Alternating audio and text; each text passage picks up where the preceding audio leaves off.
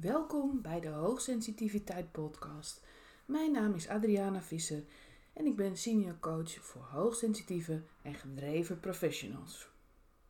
Ik neem deze podcast op alsof wij samen aan tafel zitten. Je hebt misschien wel gezien dat het alweer een hele tijd geleden is dat ik een nieuwe aflevering heb gemaakt, ondanks dat ik anders had beloofd. En de reden is eigenlijk dat heel veel mensen vastliepen met coronastress, logisch. En daardoor had ik het ontzettend druk in mijn praktijk. Omdat ik het podcasten en het schrijven ook ontzettend belangrijk vind, heb ik ervoor gekozen om een dag minder in mijn praktijk te werken. In die zin van consulten, sessies en dergelijke, zodat ik weer ruimte heb voor de podcast, voor mijn boek, voor mijn blog enzovoort. Dus bij deze, ik ben er weer.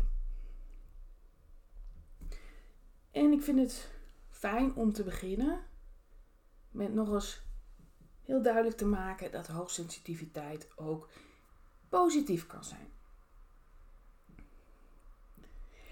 En ik ga dat doen door een aantal onderwerpen die ik al eerder behandeld heb, eens van de positieve kant te bekijken.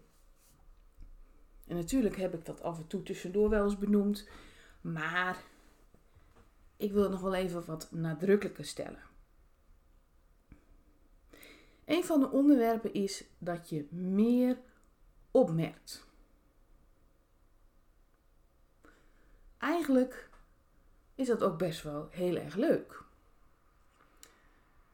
Want je haalt daardoor veel meer uit je dag. Uit een boek, uit een film, een afspraak die je gehad hebt. Want je merkt meer details op. Dus kun je ook veel meer ervaren wat de sfeer was, de kleur, noem maar op. Dus onthoud dat ook goed. Je hoogsensitiviteit zorgt er ook voor dat je meer kunt genieten, omdat je gewoon meer opmerkt.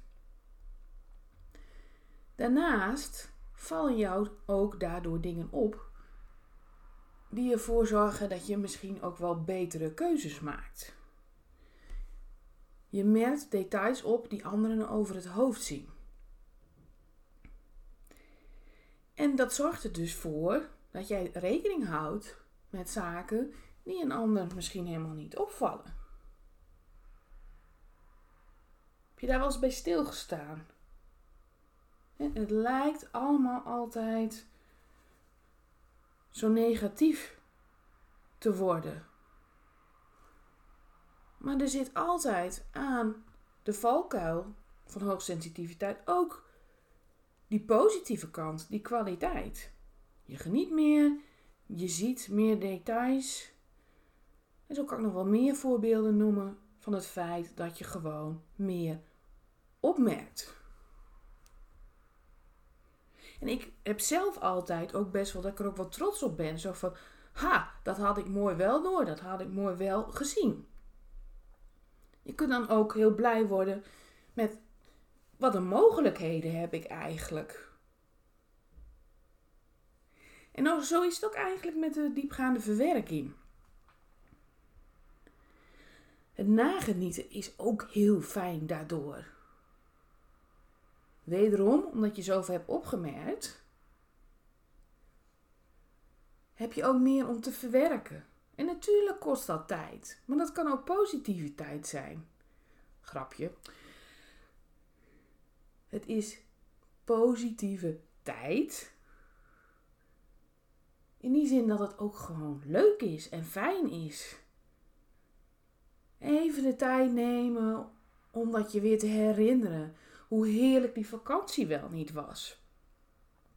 Hoe ontzettend je de diepte in hebt kunnen gaan in een afspraak met een vriendin. Of dat je iemand op het werk hebt kunnen helpen. Omdat het gewoon allemaal veel dieper gaat. En dat geldt ook voor emoties.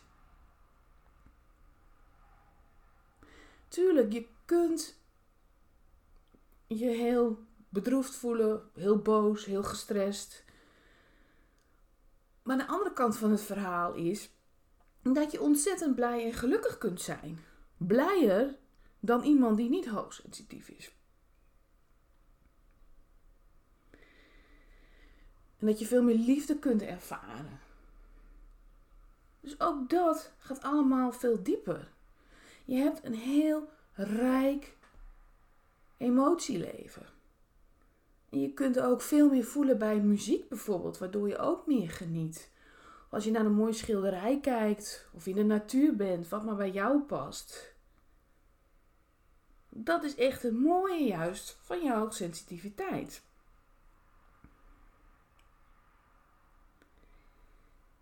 En ook je gevoeligheid voor stress kun je zien als een valkuil, maar omgekeerd ook. Goh, doordat ik hoogsensitief ben, merk ik ook eerder, dit is een grens. En ik moet hier nu de regie nemen. Want stress ontstaat doordat je de regie kwijtraakt. Door omstandigheden. Je wordt bijvoorbeeld ziek. Doordat het je uit handen genomen wordt. Dat andere mensen voor je gaan proberen te bepalen hoe jij zou moeten werken. Hoe jij zou moeten leven. Hoe snel je moet reïntegreren. Op welke manier.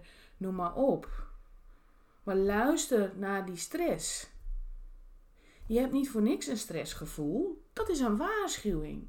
Maar wat we doen vanuit onze gedrevenheid is, ja, we gaan toch nog maar even door. Dus daarin zit heel erg balans. Stress is niet altijd negatief.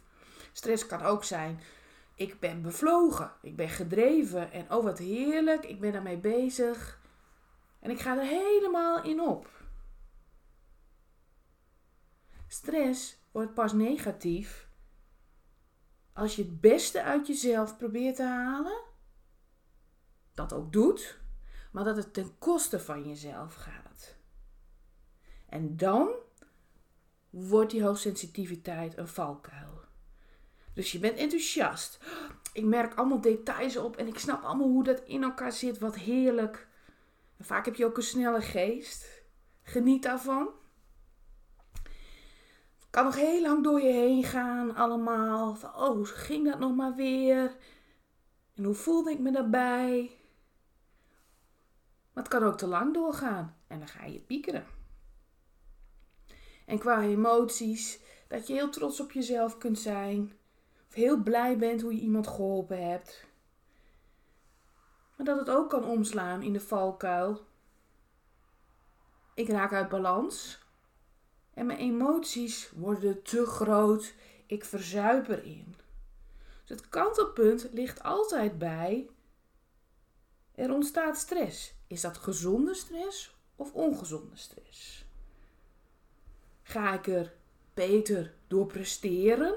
Doordat ik zo gedreven ben, dat ik zoveel zie, dat ik zoveel opmerk? Of ga ik over een grens heen, stap ik in die valkuil en wordt het negatief.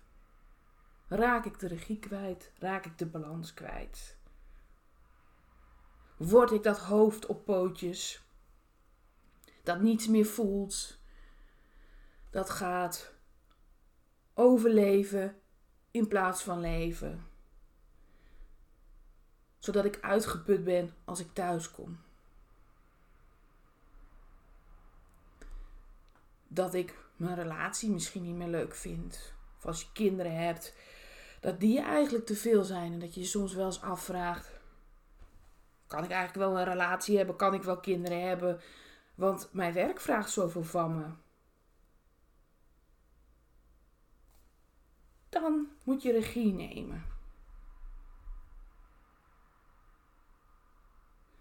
Ik heb het al eerder gezegd, vaak spelen er ook nog onderliggende patronen mee.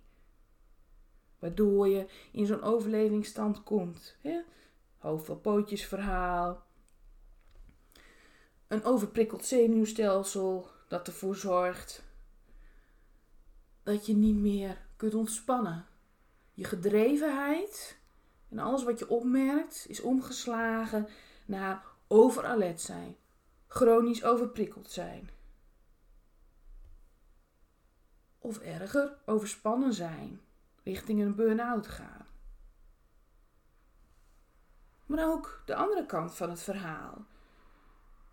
Dat is iets wat ik vaak nog wel met hoogsensitieve professionals eerst moet onderzoeken.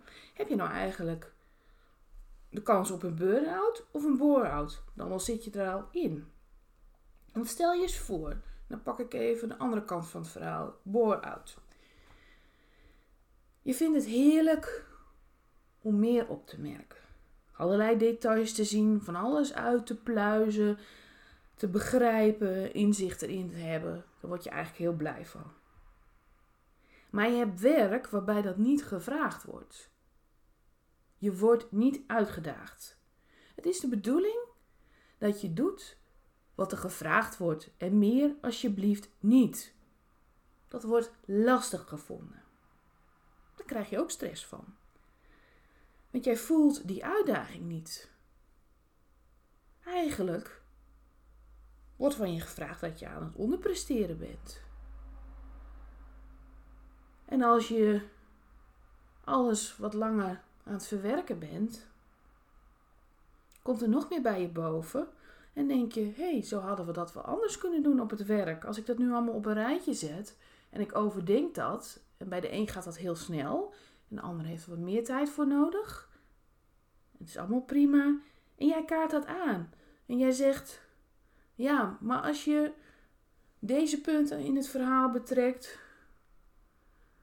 dan is een andere keuze misschien ook wel goed.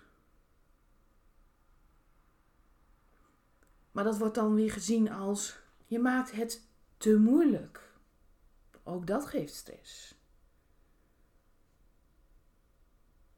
Of dat je heel erg die verbinding wilt. Dat emotionele stuk in de positieve zin. Je zoekt verbinding met collega's.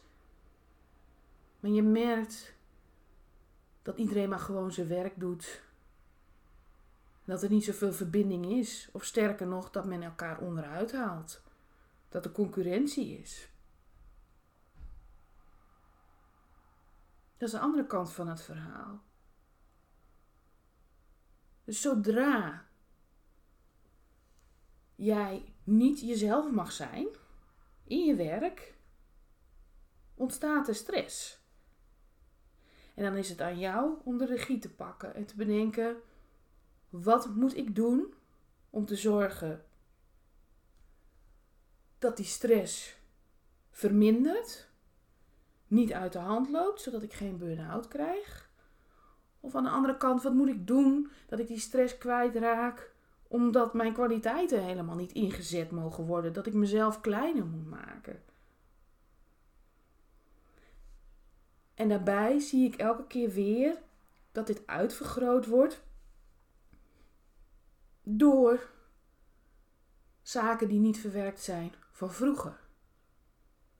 Dat duwt je vaak over een grens heen. Dat het vergroot wordt dat je in een overlevingsstand staat. Dat duwt je na zoveel jaren vaak over de grens heen.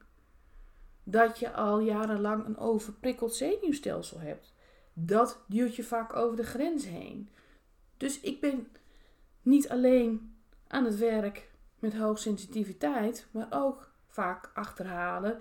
Ligt hier onderliggend nog iets? En eigenlijk is dat bij elke HSP die bij mij komt, is dat het geval. Maar we zijn ons er niet altijd bewust van. Dus het is die combinatie altijd en het vergroot elkaar uit. Je kunt je misschien voorstellen dat als jij al een overprikkeld zenuwstelsel hebt, omdat je bepaalde gebeurtenissen niet verwerkt hebt, dat jouw stresslevel al heel hoog is bij aanvang. En alles wat daarbij komt, maakt het nog groter. En als jij het gevoel hebt, ik moet overleven, dan kom je vaak op het, zoals ik het noem, hoofd op pootjes verhaal terecht. Nou, dan probeer ik het maar te controleren door er goed over na te denken en door misschien zelf ook wel alles zelf te doen. Dus het gaat eigenlijk altijd om een combinatie. En het wordt een probleem Omdat hoogsensitieve, gedreven professionals altijd het beste uit zichzelf willen halen. Maar als ze niet op de juiste plek zitten, niet de ruimte krijgen om de regie te pakken, dan al geleerd hebben dat ze dat niet mogen doen, dat er patronen onder liggen die ervoor zorgen dat je dat dus niet durft te doen, dan gaat het ten koste van jezelf. En dat is ook wat ik constant hoor. Mensen die bij mij komen zijn gedreven, zijn ontzettend goed in hun werk. Alleen op het moment dat ze meer willen en meer vragen, in de zin van niet langer ten koste van mezelf, dat kan nog wel zo'n spannend moment worden op het werk. Krijg je dan de ruimte om te zeggen: Ik wil graag ook wel wat energie hebben als ik thuis ben. Of ik wil ook wel eens energie van mijn werk krijgen, want ik moet me zo klein houden. Dus in de kern biedt hoogsensitiviteit je ontzettend veel.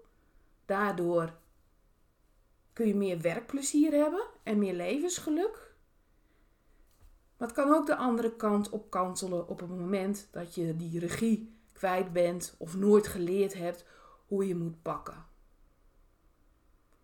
Nou, als jij dat nou lastig vindt, dan begeleid ik je graag. Je kunt naar mijn website gaan, www.adrianavisser.nl en dan kun je een introductiesessie boeken. Dus als je het idee hebt, ik ben eraan toe, ik kom hier alleen niet uit, dan help ik je graag. Bedankt voor het luisteren en tot de volgende keer. Dag!